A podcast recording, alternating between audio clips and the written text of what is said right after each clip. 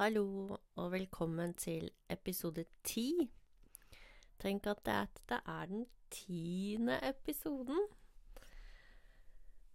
Ja, eh, jeg tenkte at jeg skal lese litt tekst, og så skal vi snakke litt i dag. Det ble ingen podkast forrige gang fordi jeg har vært en tur i Hafjell og syklet en liten sykkelvelt. Som ble ganske stor. Men eh, det gikk bra, og så tenker jeg som så at eh, her sitter jeg og lager podkast, og jeg har vært i Hafjell og syklet, og eh, jeg håndterer podkasten, og jeg håndterte syklingen. Jeg håndterte til og med å falle og få med meg sykkelen hjem og dra og sy, og eh, egentlig alt ganske alene. Jeg gjør veldig mye rart som jeg ikke har gjort tidligere. Uh, og jeg gjør veldig mange ting som jeg tidligere ville ha begrenset meg i å gjøre, eller å prøve å gjøre. Og det er ganske interessant for meg å observere hvor lite frykt jeg bærer med meg inn i livet mitt. Hvor lite frykt jeg har for det meste, egentlig.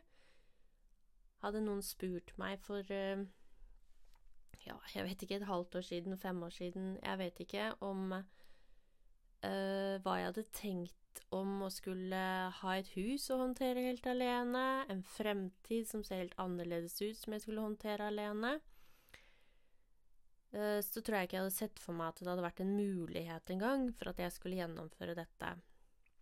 Poenget med det er at vi mennesker, vi bærer så utrolig mange flere kvaliteter enn det vi er oppmerksom på i det vanlige livet.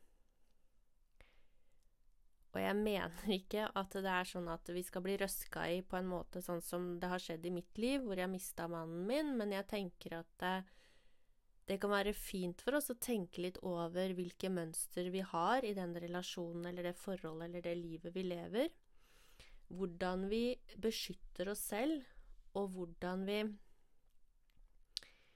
velger eller ikke velger å gripe mulighetene som ligger der for oss, som ligger der for oss alle. Ja, det var en sånn liten intro, og så har jeg lyst til å lese en liten tekst. Og det var fordi jeg fant et bilde av meg og mannen min da vi var veldig unge. Uh, det er helt tydelig at ikke det bildet er tatt i går. Vi ligner ikke helt på hverandre. Og ut fra det bildet er denne teksten her kommet. Hm, hvem er dette? Det er uvirkelig at vi hadde så mange år sammen, at vi rakk å bli noen helt andre. Andre også på innsiden, andre i sjelen. At vi sammen ble større og sterkere i hjertet Livet er et reise. Vi reiser langt, og jeg skal lenger.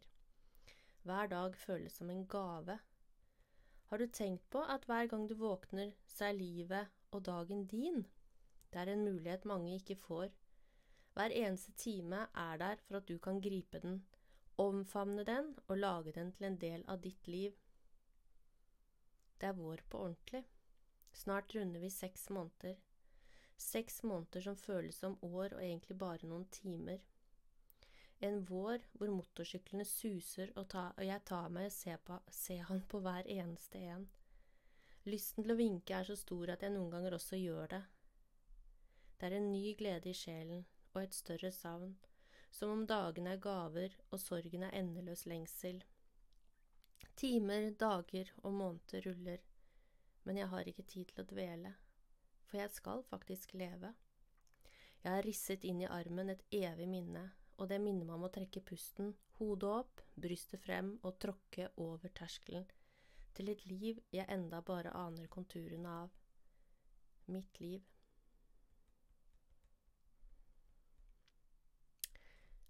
Kanskje jeg faktisk skal fortelle om tatoveringen min. Det lå ikke inn i denne her, eh, tanken om denne episoden. Jeg fikk bare lyst til å gjøre det. Uh, jeg har tatt og laget en tatovering, om noen hadde fortalt meg for ganske lenge siden, eller for litt siden, at jeg kom til å tatovere meg, så hadde jeg kommet til å sagt no way. Men faktisk så har jeg tatovert meg. Og det var noe som kom over meg den dagen han døde, så kjente jeg Kanskje ikke akkurat den dagen, da, men veldig tett opp til det. At jeg ville og ønsket å tatovere meg, og så kjente jeg at uh, hm, Hva skal det være? Det må være noe som er eh, på en måte fra han. Et minne. Noe som ikke er stort. Noe som på en måte er bare mitt. Eh, og som det ikke gjør at andre ser, uten at de skal vite egentlig hva det handler om. Eh, så la jeg det litt bort etter en stund. Jeg snakket litt om det og sånn, og så tenkte jeg at ja, men jeg vet ikke helt hva det skal være. Hva kan det være? Og på alle kortene han har laget til meg, alle hilsene han har laget, alt han har skrevet i den lille boka han har laget til meg, så er det et fjes. To prikker, en nese og et smil og en ring rundt. Et helt enkelt fjes, rett og slett. Jeg tenkte ikke på at det kunne være det jeg skulle tatovere, og samtidig et lite hjerte rett ved siden av. Og det er det på alt. Um, og så var det en morgen Det hadde gått Ja, det var kanskje på den tiden jeg skrev den teksten her, faktisk. Det hadde gått sånn ca. seks måneder. Og så ringer det på døra om morgenen så er det ingen der. Men i snøen så er det et helt identisk fjes som han har tegnet på alle hilsene til meg. Når jeg så det fjeset, så visste jeg at det er det jeg skal tatovere. Så jeg har et lite, lite tynt fjes tatovert på armen. Så hvis jeg tar armen, så ser han på meg hele tiden med det fjeset, og et lite hjerte ved siden av. Jeg spurte barna mine om noen hadde laget det fjeset. Jeg spurte mange, men ingen som har gjort det. Kanskje er det noen som har gjort det, kanskje ikke. Uansett så var det et tegn til meg om at uh, det var det jeg skulle tatovere. Så det var en fin ting. Og når jeg dro og gjorde det, faktisk uh, egentlig tenkte å gjøre det på 50-årsdagen min, men så passet det ikke. Så jeg gjorde det dagen etterpå. Uh, han som tatoverte meg, han begynte å gråte og takket for at han fikk muligheten til å tatovere dette. Han syntes det var så stort å få gjøre det, og jeg gråt. Og når det var gjort, så var det sånn Akkurat som jeg kunne parkere noe mer. Um, for veldig mye av det jeg gjør, er på en måte å legge ting bak meg. Jeg legger jo ikke han bak meg, det er ikke sånn, men på en måte ting jeg skal gjennomføre, da. For så å gå enda et skritt videre, ikke sant. Enda et skritt videre. Og uten at jeg egentlig var helt klar over det, så var nok dette også en sånn en jeg følte meg helt høy og så lykkelig og så glad for den lille, bitte lille tatoveringen jeg har. Og jeg syns den er så fin. Jeg blir sånn glad i hjertet hver gang jeg ser på den. Og jeg, ja Så er den så liten, så folk tror egentlig jeg bare har tegnet litt på meg. Det er mange som ikke spør eller sånn. Jeg ser at de ser på den, og sånn av folk som kjenner meg, da. Så mm, det var en veldig fin ting å gjøre. Lite, diskré og intimt. Mm. Det var en lite sidesprang, så nå kom jeg jo helt ut av tidsskjemaet mitt òg. Men jeg fikk så lyst til å dele det. Um, jeg skal snakke litt om det å, ha, å få et sykt barn, for det var jo det vi fikk.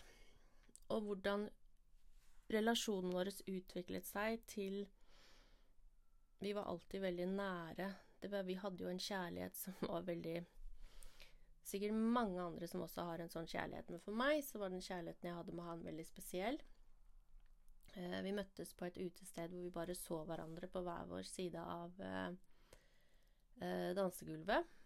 Og så kom han bort til meg, og så Etter det så hadde vi kontakt hver eneste dag helt til det var Han kom flyttende på den tiden så var han egentlig på vei til noe helt annet. Og så kom han flyttende tilbake til meg, da.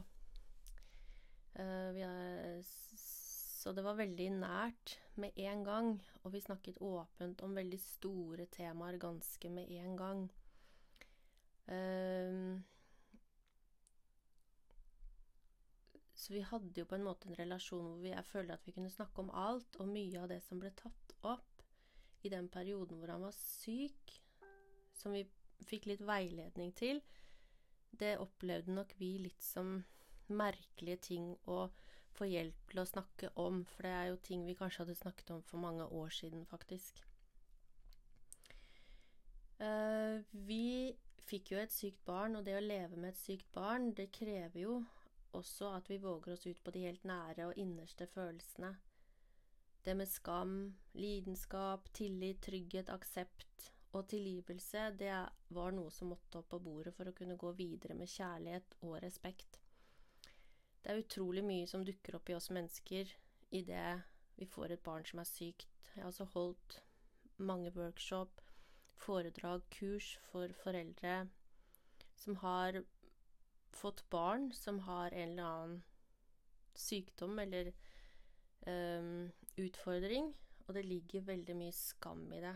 Det ligger veldig mye sorg. Uh, dette var ting vi snakket om.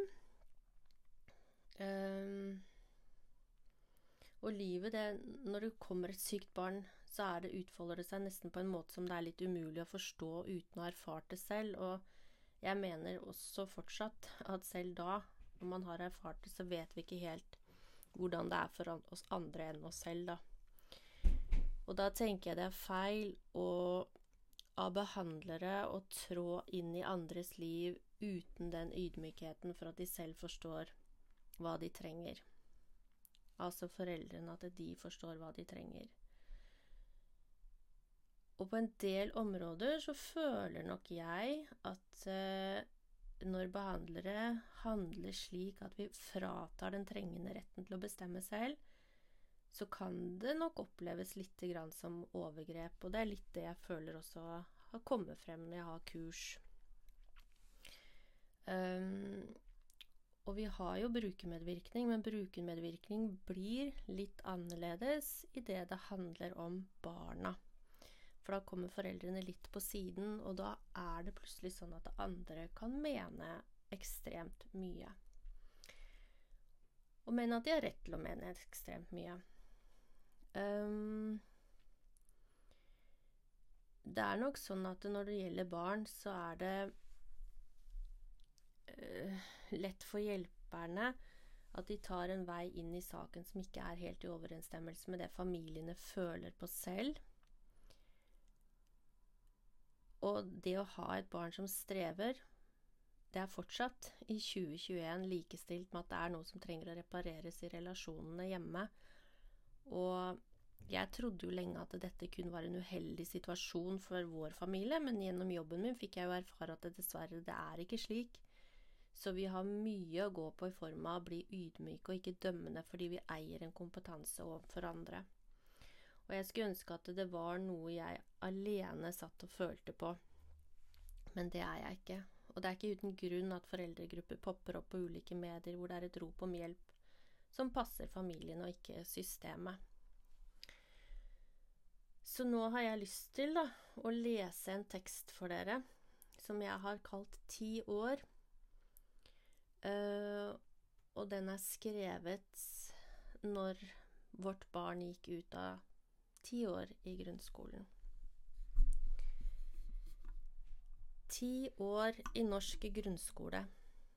Endelig, virkelig endelig et kapittel i livet er over. Over for evig og alltid. Ti år risset inn i marg og bein, Amygdala roper om støtte fra positive hendelser, så den vakre delen av hjernen som samler på alt, kan få skinne som den seg hør og bør. Slik at vi vandrer med glede i livet, et liv vi har her og nå, et liv i sannhet med menneskene rundt oss. Ti år. Jeg har tenkt at dette vil være en dag jeg vil danse, kjenne på følelsen av å aldri mer måtte forholde meg til mennesker som ikke forstår, men som tror at de gjør det. Mennesker som jobber med barn og familier, Mennesker som aller helst skulle sittet bak en skjerm og ikke vært i interaksjon med bankende hjerter og følelser i sving. Mennesker som ikke går i takt med seg selv. Som ikke har erfart at sin egen puls har betydning for hvordan samspill og relasjoner utspinner seg. De har bare lest det. Det har vært ti år preget av overgrep, og jeg er ikke lenger redd for å si det, for det er akkurat slik det er. Overgrep av barn og voksne. Overgrep på vår familie. Jeg har ingen skam, jeg har ingen sorg, jeg har ingenting å skjule for meg. Jeg vil være helt ærlig, ærlig fordi jeg vet at det er så altfor mange, virkelig mange, som hver dag og hvert år går gjennom akkurat den samme historien som oss. Ja, for det er en historie. En bit av levd liv. Ti år risset inn i marg og bein, med røtter så lange som tynntarmen i hele amygdala og nervesystemet. Ti år som aldri kan gjøres om igjen. Ti år hvor vi alle, alle de vi har møtt, har gjort så godt vi har kunnet. Et barn og etter hvert en ungdom som har gått fra frykt til hat, hat til seg selv og ikke de andre. Hat for ikke å mestre når ingen har forstått. Et barn som har mistet tillit til voksne og bygger nye relasjoner. Alltid på lag, og spiller på lag for så å bli lurt igjen og igjen. For dette barna har følt seg lurt av utallige voksne som så gjerne vil, men som ikke lytter godt nok. Som projiserer sin egen historie og levde liv inn i et barns verden. Når de så mislykkes med sine tiltak, har barn og foreldre skylden og en atferd som skal endres. En familiefamilie fallitt, virkelig fallitt. Fallhøyden har vært stor. Den har handlet om å alltid være i svevet, slik at vi er en slags flyt og kan for, forbli en familie. Vi har virkelig jobbet for å holde barnet vårt levende. Vi har jobbet for å holde selvfølelse og selvtillit oppe, samtidig som verden har fortalt at du mestrer ikke dette. Du må endre deg, du må øve mer, du må, du må. Du må så mye at en tiåring til slutt ønsker å dø. Det har vært en læringskurve så bratt. Jeg har besteget Mount Everest hver eneste dag. Jeg har fått erfare kunnskapen jeg har på papiret, virkelig kjent den i marg og bein. Dette har gjort meg hel. Hel som menneske. Dette hele mennesket kjenner ikke lenger på hat til menneskene som ødela mitt barns barndom, som sendte flere bekymringer til barnevernet, som har uttalt ting om mitt barn og vår familie som det ikke finnes en eneste sannhet i, som aldri har beklaget at de tok feil, som har fortalt meg om barneoppdragelse, utvikling og foreldrerolle, til jeg selv, ting jeg selv er utdannet til å dele med andre. Det har vært uttalt så mange usanne beskyldninger i det lukkede rom at jeg drømmer om kamera. Barn har rett og plikt til skolegang. Når ingen voksne får til dette, kalles det atferd og svikt i hjemmet. Der slutter samarbeidet, og krenkelse er plutselig lov. Jeg skulle så inderlig ha gjort denne reisen på nytt, uten alle disse erfaringene. Jeg skulle så gjerne gitt mitt barn en normal hverdag med ti år i skole, fylt med glede, venner, lærdom og vekst. Jeg kan aldri gi han dette. Norsk skole er ikke tilpasset barn med nevrologiske utfordringer. De har ikke kunnskapen. Jeg kan telle på én hånd de menneskene som har sett og gjort det som har vært riktig. Uten disse hadde vi ikke vært en familie i dag. Når jeg har ligget i fosterstilling og kjent at nå kan jeg virkelig ikke mer, da har jeg fått støtte fra folk i systemet med egen erfaring. Min sønn har fortalt har fortsatt eh, en vei å gå. Ti år i grunnskole har vært i overkant humpete. Heldigvis er han både klok og kunnskapsrik. Han er i overkant opptatt av å gjøre rett, så når ungdomsskolen forsto at hjemmeundervisning og biblioteket fungerte, har atferd blitt normalt, og prestasjonene gått rett til topps. Han vil klare seg. Han vil trenge litt ekstra tid. Han har erfart at mennesker kan gjøre stor urett og skade. Han har erfart at ingen egentlig kan forstå. Selv sitter jeg igjen med stor takknemlighet. Tidligere ville jeg aldri trodd noe annet enn hat ville komme ut av dette. Hvordan kunne jeg vite at selv de mest skolerte bruker de styggeste grep når de ikke forstår? Det er menneskelig å gå i forsvar når vi tråkker feil. Vi har så mye å lære. Å trå feil, det er å lære. Det er å vokse. Hvis vi gir oss tillit og aksept til å være mer enn et menneske, og våge å være likeverdige, legge garden ned og åpne opp, og åpne hjertene våre og si unnskyld inkludere, samarbeide og være likeverdige. Ti år som mamma i grunnskolen har kanskje gjort meg mer ensom, men jeg føler meg rikere.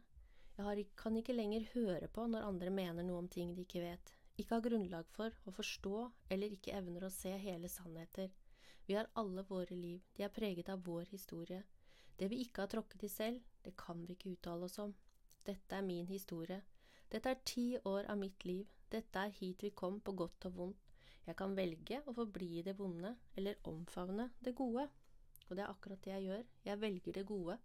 For i denne levde historien er det gullkorn å plukke hver dag, og heldigvis underveis kom jeg så langt at jeg evnet å se dem, Gullkorn som overskygget usannheter, beskyldninger og urettferdighet. Gullkorn som gjorde meg sterk. Gullkorn som lot røttene under føttene gro seg sterke, seige og tykke. Gullkorn som har gjort meg virkelig hel. Gullkorn som har vist meg hvem jeg virkelig er. Hvilken utholdenhet jeg besitter, hvilken evne jeg har til å lese folk, hvilken ro jeg har når det er storm, og hvordan kroppens indre liv og visdom er en kraftfull livsveileder og guide når jeg lytter og kjenner etter innover i mitt univers. Ti reisende år i mitt liv, og jeg er min beste venn og eneste virkelige støttespiller. Vi er kun oss selv. Å slippe forventningene gjør at jeg føler meg fri. Jeg lot forventningene jeg hadde til systemet, seile på sjøen, og jeg ble fri. Virkelig fri. Vi har valg i alle situasjoner. Vi kan velge å gå i kjærlighet eller hat. Jeg vil alltid velge kjærlighet. Vi tror vi kan for forberede oss på alt, på møter som kommer, ta opp igjen samtaler som ble vonde og dumme. Men vi har bare nå. Uansett hvor mye vi planlegger, så er vi aldri godt nok forberedt når det stormer. Så jeg velger hver eneste dag å plukke gullkorn og finne energi i det som er akkurat her og nå. På den måten får barna mine den beste mammaen jeg kan være. Og jeg ønsker det samme for deg. Jeg takker for ti lærerike ekstremår i norsk grunnskole. Jeg er ydmyk og takknemlig og vi overlevde. Dette var en tekst jeg skrev, ja, og det er faktisk tre år siden. Uh, og jeg har lyst til å legge til at i dag så går det veldig bra, til tross for alt vi har vært igjennom etterpå.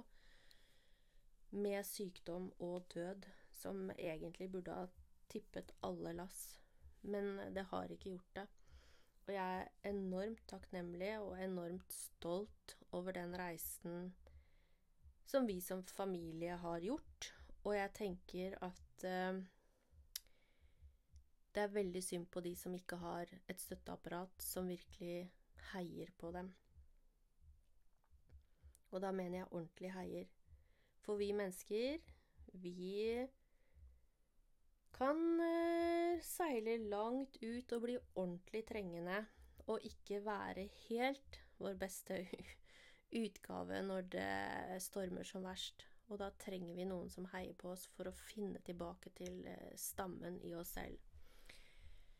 Og når barn blir syke, så er det det helt innerste og skjøre i oss som man røsker med. Og hvis vi ikke tør å føle og virkelig kjenne hvordan vi har det, så blir det helt umulig å gå hele sammen. Og i forhold til oss så er det nettopp fordi selv med ditt livs kjærlighet, da, hvis jeg kan si det sånn, så vandrer vi alltid alene og ulikt. Og sånn var det for oss også. Å legge de dypeste emosjonene på bordet og gi slipp på plass og rom for ro og livsglede, slik at vi, livet kan leves godt, det ble helt nødvendig. Og livet, det kan læres å leve akkurat her og nå med håp og tro og kjærlighet, selv når det er som vondest. Og det er mange av våre nærmeste som ikke engang kan vite eller forstå hvilke utfordringer det er å ha døden hengende som et alternativ så tett i livet over tid. Og vi har snakket om død i forhold til vår sønn helt fra han ble født og til han var over fire år, og vi har snakket om død når min mann ble syk. Og vi hadde flere samtaler med sosionom, sykepleiere og leger, og vi snakket med presten og ernæringsfysiologen. Alle snakket sykdom. Og det å forstå at døden er en del av livet, og at det rammer oss alle i løpet av livet, det er noe vi vet, men å stå i dødsdialogen over tid, det er ikke bra utenom å lene seg til håpet, mener jeg. Og det jeg savnet, det var at det på i hele denne reisen så er det ingen som snakket om den friske delen av mennesket. Livskvalitet ble nevnt ofte, men hvordan kan man ha livskvalitet dersom ingen viser oss hvordan vi kan ta tak i den når vi er så redde? Og som behandler så er vi utrolig teknisk flinke, og den ekspertisen er vi helt avhengig av. Men den andre delen av oss mennesker handler om hvem vi er innerst inne, og det er det som avgjør reisen videre. For den syke og for pårørende også for behandler. Så det å ikke våge seg ut i håpet, det fratar oss livsgnisten. Det fratar oss å leve i det livet vi har nå. Og uansett om det er med sykdom og død i sikte, så blir dette vår normal. Det var vår normal å leve akkurat sånn. Så det er viktig å ta inn over seg og virkelig føle håp. selv om man også skal være realistisk. Forhold til min mann, så de elleve månedene vi fikk i bonus, så takk og lov for at vi virkelig levde, og takk og lov for den erfaringen vi hadde om livet fra tidligere. Vi levde med alt. Sorg, sinne, kjærlighet, latter, glede, ventesorg. Alt. Og jeg slutter ikke å være takknemlig for akkurat det, for det gjør livet lettere og enklere å leve med nå. Og jeg er ganske sikker på at det ikke er en hemmelighet at de som lever med en gnist fylt med håp og glede når det gjør vondt et sted i kroppen, de lever bedre, og også noen ganger lenger. Og det er et paradoks at vår sønn omtaler tiden som syk, som en periode i livet hvor han ble sendt hit og dit, men at det var egentlig ingen som hjalp han. Og i kreftbehandling så er det mer teknisk konkret, men det er ingen som turte å gå i dypet med oss. Og alle snakket om død, og når den virkelig var der, så var det ingen som nevnte det lenger. Og som jeg har snakket om tidligere i podkasten jeg har hatt, om det å være trengende, det å fylle egen behovspyramide av kasse, kall det hva du vil, sånn at du er i vater, sånn at du er et godt sted i deg selv, det er helt nødvendig hvis du skal klare å være for andre i krise og i sorg. Og det var egentlig det jeg tenkte å si i dag. Og jeg tror jeg er langt på overtid i forhold til hva min intensjon er. Men jeg har veldig lyst til å gi dere en liten meditasjon i dag. Så da, for de av dere som har lyst, så kan dere finne et sted å sitte eller ligge hvor det er behagelig. Kjenne at du ligger godt til rette på underlaget. Passe på at ryggen er rett, og at du ikke krysser armer eller bein, og så lukker du øynene dine.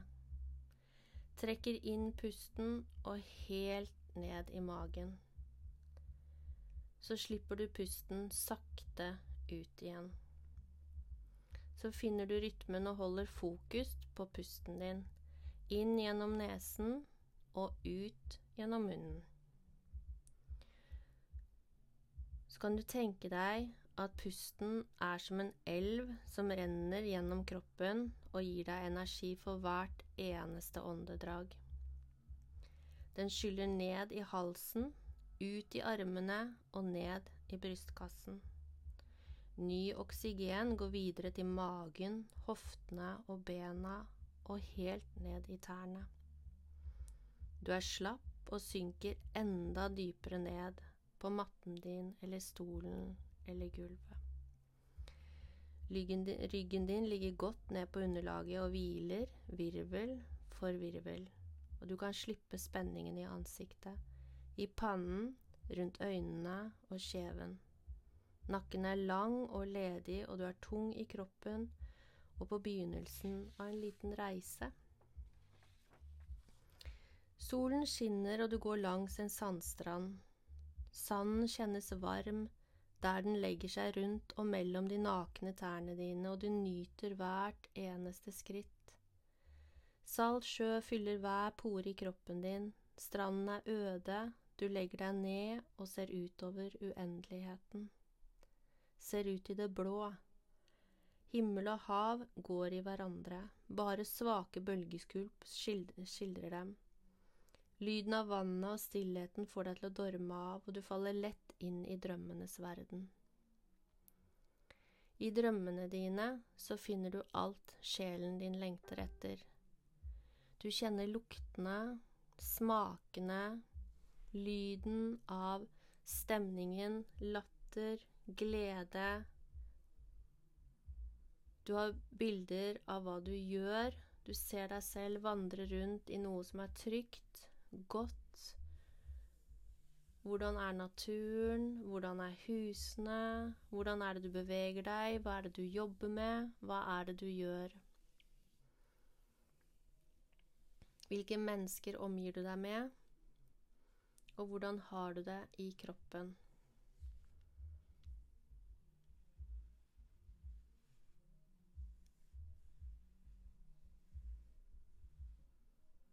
Du hører ikke lenger bølgeskvulp, du kjenner ikke lenger sanden under deg. Du er helt forsvunnet inn der drømmene dine tar deg, lengselen din etter det gode livet som du har lyst til å leve.